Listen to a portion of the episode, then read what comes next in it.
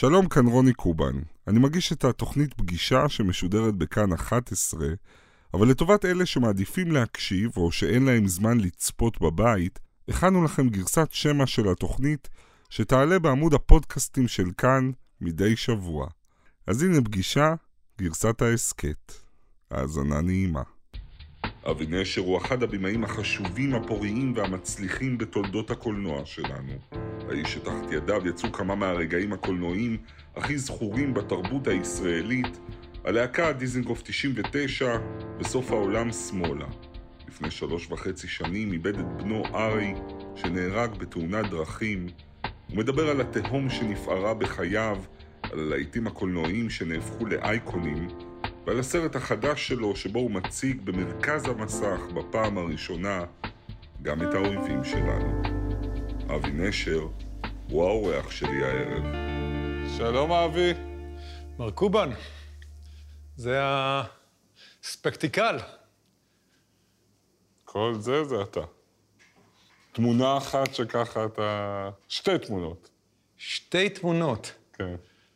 וואי. לא קלה היא. אה, זאת. שפה רואים... אותי עם אה, שני הילדים שלי. זה... אה, אתה לוקח עד הסוף את ההזדמנות לבחור, זה נחמד. שני ילדים זה אירוע מכונן, אתה צריך למצוא איזה משהו שייתן לתמונה הזו פייט הולם. זה לא קל, ההורים שלי. זה מדהים לראות את ההורים שלך כאנשים צעירים. יש בזה משהו אה, עוצר נשימה. נגיד, אתה מסתכל עליהם עכשיו, מה עובר לך בראש באינסטינקט? אה, אתה רואה שני אנשים צעירים, מבריקים, עם עתיד. המלחמה הגדולה עוד לפניהם, 48 עוד לפניהם, חוויית ההגירה הקשה עוד לפניהם, הסתגלות לארץ חדשה. הם עוד לא מבינים את הרפתקת החיים הגדולה שצפויה להם, המטלטלת עד מאוד. ואת... אה, אתה יודע, מעניין, הקיר הזה גם מלא בפוסטרים של אה, סרטים שלך, שהם אימג'ים שצרובים, חלקם צרובים לכולנו. פה יש את הפוסטר של הסרט הראשון, הלהקה. כן. ואתה בחורצ'יק, נגיד אפילו פישר בין 23-24, אתה מצלם באולפני הרצליה, ואז אומרים לך מה? אה, שבנדיבות רבה, באמת, מר אפרים קישון, שמצלם סרט גדול ועתיר תקציב ושם השועל בלו התרנגולות, אה, מוכן להראות לי איך בונים סצנה לפני הצילומים שלה. אוקיי, ואז? ואז באמת יוצא הסרט של קישון כשבועיים לפני הסרט שלנו, והוא כישלון נוראי. הוא פשוט כישלון מזעזע.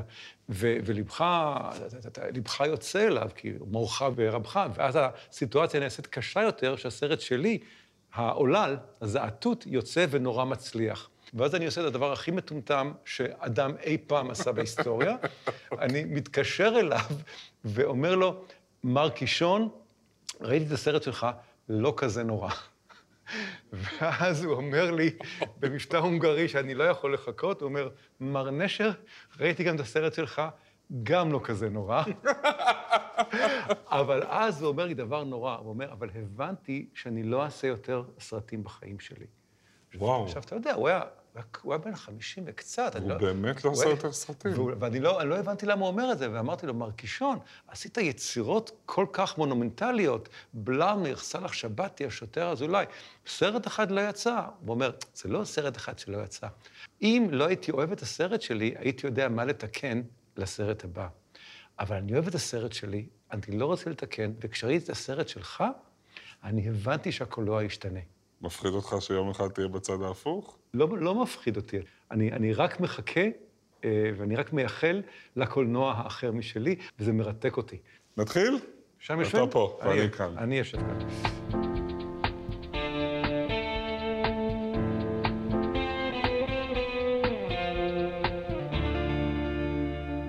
שלום לאבי נשר. שלום לך.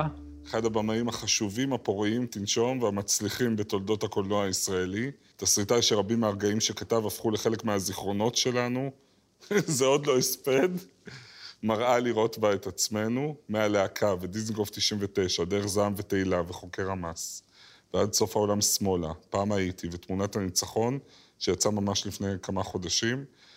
חתן פרס לנדאו לאומנויות הבמה, פרס מפעל חיים מטעם משרד התרבות. עוד גיבור ישראל ומשיא משואה. נזכיר גם שהיית מבקר קולנוע מושבע ורמת גני בלב ובנפש, זה חשוב, כי גם אני כזה. נשוי ואב לשניים, תום יוצרת קולנוע צעירה ומבטיחה, וארי, זיכרונו לברכה, שנהרג בדמי ימיו בתאונת דרכים לפני שלוש וחצי שנים. תודה שבאת. אני ראיתי שבסוף השנה הזאת אתה הולך להיות בן 70. למה אמרת? אני, אגיד לך למה, אמרתי לעצמי, מה? כי יש עליך את ה... עם כמה שאתה במאי וכזה אינטלקטואל, יש עליך גם את ארומת הרוקנרול. שמע, אני משקר לעצמי מזה שנים שאני בן 24, אוקיי. וכל סרט שאני עושה, אני עושה כאילו שזה הסרט הראשון, ואני אה, אני, אני, אני, אני חושב שזו דרך נכונה אה, להתעסק עם אומנות. הטייטל הזה 70 מלחיץ? אני, אני לא מבין את המספר בכללותו. יכולת להגיד לי, אתה טועה, רוני, אתה טועה. מאוד יכול להיות שאתה טועה, אתה יודע, אני, אה, אני, כשאני אה, לא יכול לעשות צעד וחצי מ, לסל בצורה נאותה, אני אחשוב על המספר הזה, אבל עד אז אני בסדר. הפעם בסרט החדש שלך, תמונת הניצחון, גם הוא מאוד ישראלי, אתה מתעסק בתקומה. אבל בטוויסט מעניין, אתה בוחר לספר לנו את מלחמת העצמאות לא דרך ניצחון הירואי, אלא דווקא דרך תבוסה, טבח. דרך הסיפור של נפילת ניצנים וקניית החברים שלו, שנשארו בחיים. למה ככה? חיפשתי סיפור שהוא לא סיפור של גבורה, אלא הוא סיפור שבו אנשים צעירים משני הצדדים הם, אה, איבדו את חייהם בגלל דבר שלאו דווקא היה חייב לקרות. עכשיו, הסרט מתחיל בעשר דקות בשפה הערבית, הוא כולל מראות קשים לעין של צופה ישראלי. אתה מתחיל לעבוד עליו כשמירי רגב עוד הייתה שרת התרבות, הארץ מדממת ממלחמות סביב סרטים שמעזים להראות גיבורים ערבים צודקים. לא פחדת שתאבד את מקומך החמים בחיק הקונצנזוס? שמע, אני בלהקה, אה, רחבעם זאבי עשה כל מה שאפשר למנוע את עשיית הסרט. ופתאום נעלמו לנו בסיסי צה"ל, תלבושות וזה, ומאוד מאוד הרגיז אותו שיש מרד נגד הצבא, והסרט נגמר בשיר השלום. והסרט איכשהו צולם, ואיכשהו הצליח, ואיכשהו מצא את דרכו אל לב הקהל הישראלי, ואני מודע לכך שיש אפשרות שתעשה סרט שייכשל לגמרי. אם אתה מפחד, הכל אבוד. אבל יש דברים שלא תראה, נגיד חיילים ישראלים נוהגים בגסות בפלסטינים במחסום. זו סצנה שיכולה להיכנס, כי אתה יודע, בתמונת הניצחון אנחנו יפים וצודקים, ואנחנו גם קורבנות. אבל גם הם. נכון. קשה לי מאוד עם סרטים שהם אנטי-ישראלים במפגיע, בגלל שאני נגד כל סוג קולנוע שהוא פשטני מעצם הגדרתו. הסכסוך כאן הוא מאוד מורכב, הוא מאוד רב דקויות. כל מי שמציג צד אחד כצודק לגמרי, חוטא למציאות. וכל צד שעושה משהו שהוא אנטי הצד השני, מרחיק את השלום. ואם אתה מסתכל על שומר חומות, כן, המלחמה שבה כל פרשן אמר את המילה תמונת ניצחון קרוב ל-20 פעם בכל שידור טלוויזיה. זו מלחמה שאף צד לא ניסה לנצח. זה מרתק, כן? כלומר, אה, טנקים לא זזו קדימה. כל מה, הטילים שנורו על תל אביב היו טילים מגוחכים. אנחנו הפצצנו אה, בענייני תקשורת. אף אחד לא ניסה לנצח. זו הייתה מלחמה פוליטית. זו הייתה מלחמה של מנהיגים משני הצדדים, שעשו מהלכים פוליטיים למטרותיהם הם. אני חושב שכל מי שנהרג באותה מלחמה בדרכו שלו הוא פראייר. כלומר, זה, זה, זה לא מלחמה, זה לא, זה, לא, זה לא 67, זה לא מלחמה אה, אה, אין ברירה. זו מלחמה שנעשתה מתוך בחירה מסוימת. ואני חושב שצריכים להיזהר ממהלכים פוליטיים שמערבים אותך במלחמות הלא רצויות לך, משני הצדדים, מהצד שלנו ומהצד השני. וואו, זאת אמירה קשה, מה שאמרת. אני לא חושב. על שומר חומות. אני, אני חושב, אם, אם תסתכל, האם מישהו ניסה לנצח מלחמה הזו? לא, אבל זה שאמרת שכל מי שנהרג במלחמה הזאת הוא פראייר. לא, אני, אני, אולי, אולי אני מתן דבריי. אני אומר שבמלחמה שאף אחד לא מנסה לנצח, למה להילחם אותה? ביום שבו הבית שלי הותקף, אני אגן עליו. כלומר, אני, אני מבין את העיקרון המלחמה על הבית. את זה אני מבין, אני לא פציפיסט בשום צורה שהיא. אני רק מבין שלמלחמה יש גם מרכיבים פוליטיים, ואתה צריך להיזהר שלא להיות uh, כלי שרת ביד פוליטיקאי זה אחר. ויש יש מלחמה, יש מלחמות, אין ברירה. אי אפשר להתייפייף ולומר, make love not war. בחיים okay. אוקיי. עושים גם אהבה וגם מלחמה. כן, אבל יש מלחמות שהן פחות נחוצות. אתה כאדם, אתה כחייל, אתה כהורה, חייב להיזהר באיזה מלחמות אתה תומך, באיזה מלחמות אתה פחות תומך. בסרט תמונת הניצחון הגיבורה, שמבוססת על דמות אמיתית, מירה בן ארי, שנפרדה מבעלה ובנה ונשארה עם חבריה בניצנים, כתבה במכתב שהשאירה לבעלה בכיס המעיל של הבן שלה, כך עוד לא הרגשתי אף פעם, אבל אתגבר. בזמננו צריך להתגבר על הכל. אין פרידה קשה מזו של אמי ילדה. וקשה שלא לחשוב על העובדה שזה הסרט הראשון שאתה עושה אחרי שארי בנך נהרג. כן. לפני שכתבתי את זה, אה, כתבתי אה, משהו אחר, שפשוט לא יכולתי לעשות אותו אחרי מה שקרה. אני... אה, אתה יודע, אני, ניטשה אומר שאתה מביט בתהום, התהום גם מביטה בך. ואחרי שקורה לך משהו שמטלטל את חייך בצורה בלתי הפיכה, דבר שתחיה איתו עד סוף ימיך, ואתה יודע, המשפט החבוט של הזמן מרפא את הכל, אז הזמן לא מרפא כלום, זה...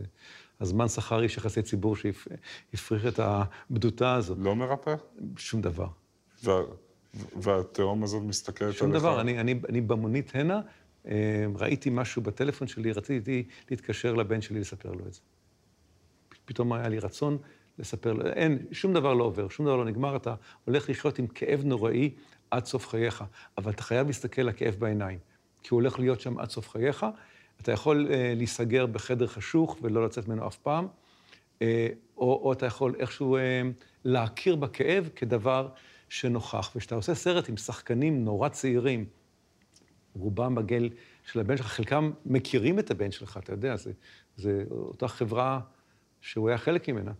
אה, אתה, אתה מסתכל לתהום בעיניים, ו, וזה היה מאוד מאוד קשה. אתה יודע, אני, השחקנים שלי הלוא הם אהובי ליבי, שחקנים שלי הם אנשים שאני מאוד קרוב אליהם. ו, ואני חושב שבלי ההבנה שלהם ובלי התמיכה שלהם, אה, היה לי קשה לגמור את הסרט. כי באמת, כמו שאתה אומר, גם אתה הבמאי וגם הצופה, דרך העדשה, מתאהב בקבוצה של אנשים צעירים, יפים, מלאי חיים, שהחיים פורצים מהם, אבל דרך אותה עדשה אתה גם משוטט בסוף מעל הגופות שלהם, המדממות. בזמן אמת הרגשת שזה דרך להתמודד, לצעוק את מה שקרה לך. איך עמדת בזה? הסרט הוא לא סרט מלחמה באמת, הסרט הוא סרט על נעורים. אני, אני כשכתבתי אותו, אני קראתי לו הלהקה בלי גיטרות.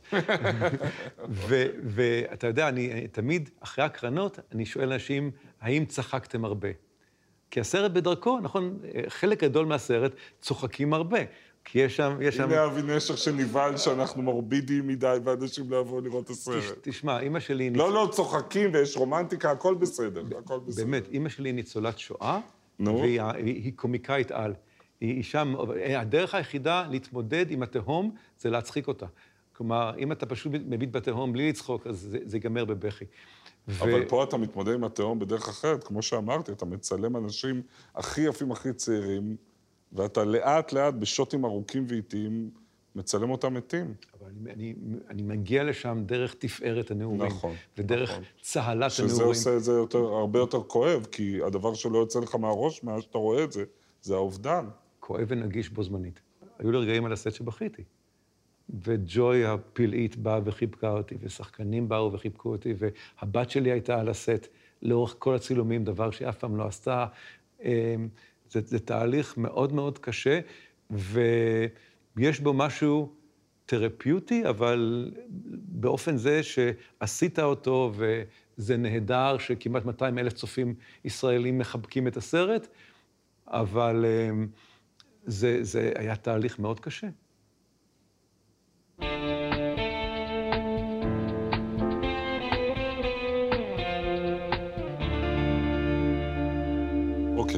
אז אבא ואימא, ילדות עכשיו? יאללה. אריה, אבא אריה ואימא לילי. אימא לילי. אבא פרופסור סוציולוגיה ואימא עבדה במשרד החוץ. נכון. ואיזה בית זה היה? זה היה בית של אנשים שהחליטו שהם ישראלים, שהקפידו לדבר... התעקשו שהם ישראלים. כן, דיברו רק עברית לידי. היה להם מאוד מאוד חשוב להיות ישראלים. אתה יודע, הדור שלי הוא דור מרדן, בגלל שאנחנו מרדנו בכל דבר יהודי גלותי אפשרי בשנות החמישים, ובכל דבר אה, שקשור למין האנושי ומין... אבל אתה ילד טוב כזה, מרדת בהם? היה רגע... אני, אני, אני מאוד חטאתי בזה שלא גיליתי שום עניין בעולם שמהם הם באו. שום עניין? שמע, הם באו מהעולם של אה, צאן לטבח. ש, שישראל שאני גדלתי בה, אנחנו היינו הישראלים החדשים, העוצמתיים, הגיבורים, ואנחנו לא רצינו לדעת. זה מדהים באמת איך אדם סקרן, צייד סיפורים ליגה לאומית, כפייתי לפרטים, לגיבורים, לבחירות, לאורך השנים התרחקת כל כך מהסיפור שלך, מהסיפור של אבא ואימא. לשואה לקח לי הרבה מאוד זמן, כי מאוד התעסקתי עם הישראליות מבודדת מהשואה. ובאמת, אה, כמו שלקח לי הרבה זמן להגיע להורות, לקח לי הרבה זמן להתמודד עם ההורים שלי. אתה יודע, בלהקה, בדיזנגוף 99 אין הורים. אין מבוגרים. אין בכלל. מבוגרים בכלל. זה עולם רק של צעירים, שזה מאוד מאוד ישראלי בעולם שבו אני גדלתי. אמא היא זאת שגם הביאה אותך אל הקולנוע, נכון? אמא שלי היא באמת בן אדם שמאוד מאוד אה, אהב קולנוע, אוהב קולנוע, ובגיל ארבע לקחה אותי לראות מחזה, אני זוכר את הסרט לפרטי פרטיו, אני זוכר איפה ישבתי. למה, למה היא לקחה אותך? משחקי הפיג'מה, okay. אוקיי. בקולנוע ארמון דוד, שכמובן כבר לא קיים. ואני זוכר את זה בפרטי פרטים, אני זוכר כל סרט שראיתי בימי חיי, איפה ראיתי, באיזה... כל שורה. סרט? כל סרט. אני יכול להגיד לך, כל סרט, באיזה בית קולנוע, באיזה שורה ישבתי. ממש, כל, כל, כל סרט. וזאת הייתה הדרך שלה לתקשר איתך? כן, אני חושב שהוריי בתבונה רבה חיפשו דרכים לתקשר עם היצור הצבר. הבדואי, כן, הבדואי אוקיי. שמסתובב להם. דובר השפה המוזרה הזאת, כן.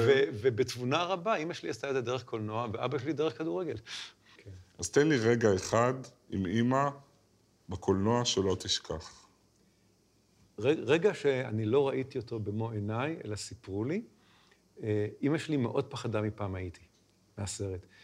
בגלל שזה סרט שמספר על שדכן ניצול שואה, ו...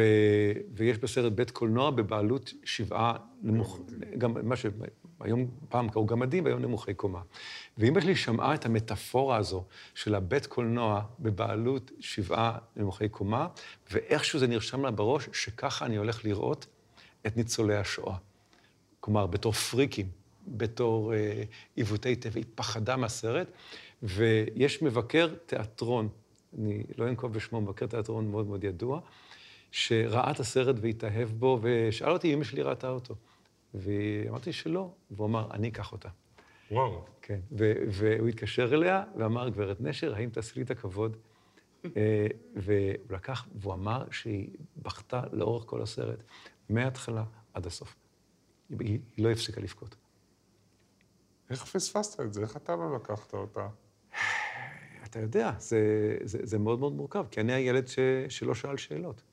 אני, במידה רבה, פעם הייתי, זה בקשת הסליחה שלי מההורים שלי. דיברת קודם על אימא שלך, שמתמודדת עם בדיחות, ואתה אמרת לי, אני זוכר שעוד דבר שמאפיין אותה זה שהיא כל החיים מתכוננת לבשורות רעות. כן, אימא שלי, שהיא, שהיא בת 98 ואישה מאוד מרשימה ואישה מאוד חזקה, אה, היא ניזונה מחדשות טובות. אנחנו אוכלים את הארוחת ערב כל יום שישי, ואנחנו מתאמנים כבר מיום רביעי איזה, איזה חדשות טובות. גם, גם אני, גם תום ביתי וגם איריס, אנחנו מקוששים. מה טוב קרה השבוע שאפשר להביא לשולחן ארוחת ערב של יום שישי? כי, ואני אני מבין אותה לחלוטין. והיא ניצולת שואה, וקרו לה דברים איומים, שאני יודע רק חלק קטן מהם, וכשקורים לך דברים איומים בחיים, אתה מניח שזה לא הסוף.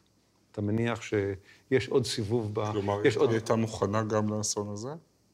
היא הייתה מוכנה יותר מאיתנו, כי אין שום דבר בחיים שגורם לך לחשוב שזה יקרה לך. אתה יודע, אני, אני, אני מניח שאם אתה קם בבוקר ואומרים שיש לך סרטן הלבלב, אתה, זו בעתה איומה, אבל לא חשבת על זה אתמול. אה, אימא שלי כן חשבה על זה אתמול. וואו. היא איכשהו לא הייתה מופתעת. אבל בהפוך ועל הפוך, גם זה נתן לך כוח? לא. היא לא, היא, הדרך שלה, ההישרדות שלה לא נתנה לא, לך? לא, לא, לא, זה, זה העמיק את העצב. זה העמיק את העצב כי זה, זה נורא ש, שאת חווית בגיל צעיר דבר כל כך נורא, ועכשיו, בשנים המאוחרות, את חווה דבר נורא נוסף. זה רק, זה רק מבחינתי, זה רק אה, לקח, לקח את ה... העמיק את התהום.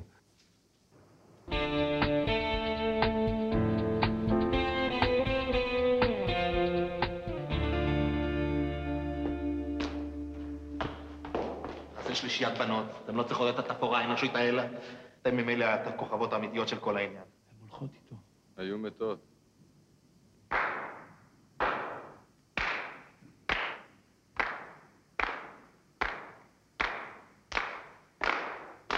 אותה דמות גם מירה בן ארי. אה, מורדים, כולם מורדים. אורלי, זה הסוף שלך.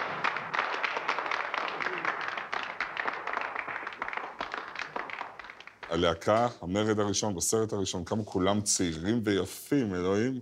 העלומים. מוצאי שבת, אפריל 1978, זה הקרנת הבכורה של הלהקה. אתה עומד מחוץ לקולנוע הוד בדיזנגוף פינת פרישמן, ומה אתה רואה? אמרו לי שהקולנוע יהיה ריק, כי עשיתי סרט אוונגרדי, שקהל לא יתחבר אליו.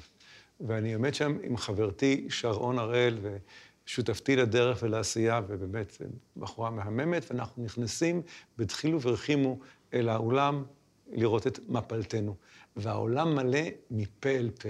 זה אולם של 1,100 אנשים, ויושבים אנשים בשורה הראשונה בפינה. ומה הרגשת שראית את כולם? אושר עילאי.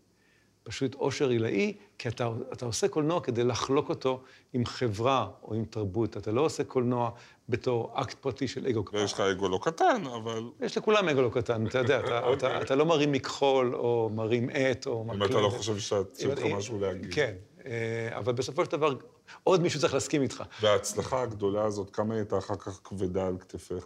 הפחידה אותי. כי פתאום בגיל 25 נהיית הפחידה אותי, כי הסרט... אחד הבמאים הנחשבים או מבטיחים בארץ. היא כל כך הפחידה אותי, בגלל שהסרט דיבר לקהל מאוד רחב, וזה לא היה סרט אוונגרדי, מסתבר, למרות שסגנונית הוא ש- שיבר כל צורת עשייה ידועה. אז אני אמרתי, אוקיי, אני אעשה דיזנגוף 99, כל כך נועז, כל כך קיצוני, שהפעם הם פחות יאהבו את זה. ואז הם גם אהבו את זה. בוא נראה קטע.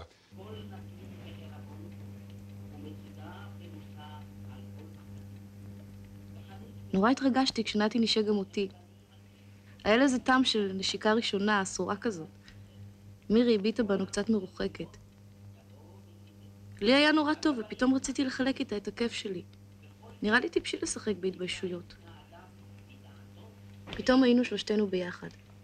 אני, אסנת הקטנה מכפר סבא, עם עוד בחור ועוד בחורה. הייתי בשוק מזה שבכלל לא הייתי בשוק. מה, איך זה לצפות בזה? מזכיר לי עד כמה פחדנו מהסצנה הזו. פחדתם? פחדנו, כי זה, האנשים האלה הם חברים שלך, וסצנה שאתה לא יודע איך לביים. ודיברנו עליה הרבה, וזו סצנה שהיא כל כך מהותית לסרט, כי זה סרט על פריצת גבולות ועל חציית גבולות. ואם אתה לא תעשה את הסצנה הזו, אז פחדת, ודיברנו מקודם על פחד כ... כתחושה שצריכים מאוד מאוד להיזהר ממנה כשאתה יוצר אומנות. ו... וזו הסצנה ש... אני, אני, אני מביט בה עכשיו, אני שומע את, אה, את הקול של ענת, אה, ואני חושב על התקופה הזו, ויש בזה, בה משהו מאוד מאוד נאיבי. אה, זו סצנה במושגים של היום, של אינטרנט מפוצץ בכל מיני דברים באמת מחרידים. היא כל כך נאיבית והיא חברית, וזו סצנה שעוסקת יותר בחברות מאשר בכל דבר אחר. היא הפוכה לחלוטין מדימויים, נגיד, עם מציצים. כן? זו סצנה ש... שהם מאוד כוחניים, שהם מאוד שתמיד כוחניים, הסקס הוא ומאוד מאוד... מאוד עימותיים, וזה כן. זה, זה רך לחלוטין, זה שיתופי לחלוטין, מסופר דרך אה, דמות נשית. כלומר, במושגים בשנות 70, כשאני רואה את זה עכשיו, זה אפילו יותר מהפכני ממה שאני זוכר את זה דאז, כי הרוח השלטת הייתה הרוח היותר מצ'ואיסטית, וזו סצנה מאוד אנטי-מצ'ואיסטית. זו סצנה שבו ענת היא הכוח ש... ש- שמוביל את הסצנה. אתה יכול לתת לי דוגמה לסצנה אחת, לסיום החלק הזה, שכתבת שהייתה לה בדיעבד משמעות מרפאת עבורך, שהתמודדת עם איזה משהו, שהבנת משהו חדש על עצמך או על העולם? אני יכול לומר לך שבזעם ותהילה, אה, יש שם סצנה שרוני פינקוביץ', זיכרונו לברכה, שמשחק דמות בשם נוח קפלן, בא לג'וליאן, אומר, אדי הקצב, המחסל של הלח"י, והוא רוצה ללכת לפעולה האחרונה. ו... ואדי הקצב אומר, תעזוב, התחתנת לפני שבוע, אל תלך. והוא מתעקש, פינקוביץ', ואומר, אבל מה זאת אומרת? זה לא חשוב? אז הוא אומר לו, חשוב זה דבר יחסי. הוא אומר, מה זאת אומרת זה דבר יחסי? אנחנו כאן בונים אומה. זו לא הסיבה שאתה כאן, ואז אומר לו ג'וליאן, אומר, אני כאן כי אני רוצה להיות כאן. כלומר, כל דבר שאנחנו עושים, כן, צריך להיות מחובר לרצון לעשות, לא לסיפור שסיפרו לנו, לא לאמונה שניסו להדביק לנו, זה חייב להיות מחובר ל, לרצון. לרצון האותנטי. ל, לרצון האותנטי. ו, וזה דבר שאני מאוד מאוד אה, הבנתי למה אני עושה קולנוע, כי זעם וטילה מאוד מאוד נכשל, ואני לרגע שקלתי להפסיק לעשות קולנוע. ואז אני הבנתי שאני נרקומן של קולנוע. שאני, שאני מכור לקולנוע, ושאני עושה קולנוע כי אני רוצה לעשות קולנוע. זה לא שהעולם חייב שאני אעשה קולנוע, וזה לא שאני אציל את העולם. אני אנסה לומר דברים שיש בהם חשיבות וערך גם לאנשים אחרים, כן? אבל מבחינתי, אני רוצה לעשות את זה.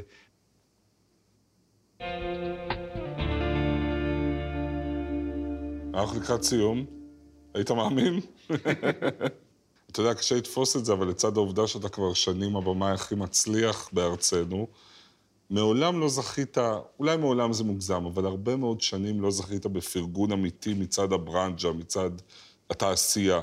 ויצא לי לשבת מאחוריך בטקס האוסקר הישראלי האחרון, והסתכלתי עליך, רואה איך כמעט כל הפרסים חומקים מהסרט שלך ל"ויהי בוקר", הסרט שהתמודד ממול.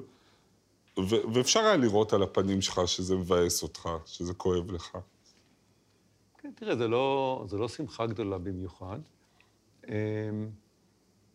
אה, אני, יש לי כבוד עצום ליוצרים. כל הסרטים שהתמודדו במסגרת התחרות היו סרטים מאוד ראויים של אה, יוצרים מאוד ראויים. ומה אתה עונה לחלק מהמבקרים שטוענים לאורך שנים שהסרטים שלך מאוד מאוד מאוד מצליחים, אבל ברמה האומנותית נעשו פה טובים מהם? אתה יודע, ההיסטוריה, ההיסטוריה תעשה סדר בכל. ההיסטוריה תעשה סדר כי בסוף, אה, אה, מה שחשוב, או, או מי שמנצח, סליחה על הניסוח הילדותי, זה הסרטים שישרדו, שיראו אותם כל יום עצמאות ו... שוב, אני, אני חייב לומר שמזה שנים אני מפונק בהרבה מאוד ביקורות אה, מאוד מאוד טובות, ואתה יודע, יש את ה... אבל אתה אומר שמבחינתך ההישג הכי גדול זה זה שבאמת... המון המון, כמה שנים עברו מאז הלהקה? יותר מ-40. וואו. שיותר מ-40 שנה, הסרט הזה עדיין מעורר כאלה רגשות ואהבה והוא רלוונטי. שמע, זה המבחן האמיתי. אפוקליפסה עכשיו של קופולה שיצא, קיבל ביקורות בינוניות. זו יצירת מופת. אף אחד לא זוכר את הביקורות. האזרח קיין של אורסון וול שיצא, קיבל ביקורות בינוניות. אה, הסרט הטוב ביותר שנעשה אי פעם, לפי משאל ה-BBC, שזה ורטיגו, קיבל ביקורות אה, איומות. עכשיו, שוב, אני מאוד מאוד לא מזלזל בביקורות. ההפך הוא הנכון. אני רק אומר שהזמן מזקק את, אה, את, את הדברים הבאמת איכותיים. ו, ואתה יודע, אנחנו חיים בעולם פוליטי, אנחנו חיים בעולם מאוד דינמי, אה, דברים נאמרים מסיבה זו או אחרת. הזמן מאפשר פרספקטיבה. הסיבה שאני עושה הרבה סרטים שמתרחשים בעבר, כי רק במבט לאחור אתה יכול לראות נכוחה. לסיום, יש סצנה ששוברת את לבך עד דמעות כל פעם שאתה צופה בה. אה, הסצנה האחרונה אה, בסנדק חלק ב', ברגע שמייקל קורליון הבין שהוא ניצח אה, בקרב והפסיד את המלחמה, כי הוא בעצם הפסיד את המשפחה שלו. ברגע שה, שדיין קיטון עוזבת וואו, את, כן, את החדר, והמצלמה נסוגה, והוא נשאר מוקף באנשי החצר שלו, אבל את דיין קיטון הוא איבד, ואת ילדיו הוא כנראה גם כן יאבד, והוא נשאר בעצם בודד. בתור הסנדק שיש לו הכל ואין לו כלום. זו סצנה שתמיד חונקת את גרוני, כי זה בעיניי בין הדברים המסוכנים בחיים, שאתה תשיג את הדברים הגדולים ותחמיץ את כל הדברים הרגילים שהם טעם החיים. אתה יודע כבר מה יהיה הסרט הבא? אני עובד על הסרט הבא. זה, הוא קורה ברמת גן? קורה ברמת גן. בגן הקופים, שמעתי. בגן הקופים, כן. שזה רק שנינו פחות או יותר יודעים איזה גן משגע. אנחנו והקופים. אבי נשר, היה לי לעונג, תודה רבה, היה מרתק וכיף כמו תמיד איתך. העונג כולו שלי. תודה רבה ובהצלחה. תודה רבה, רוני.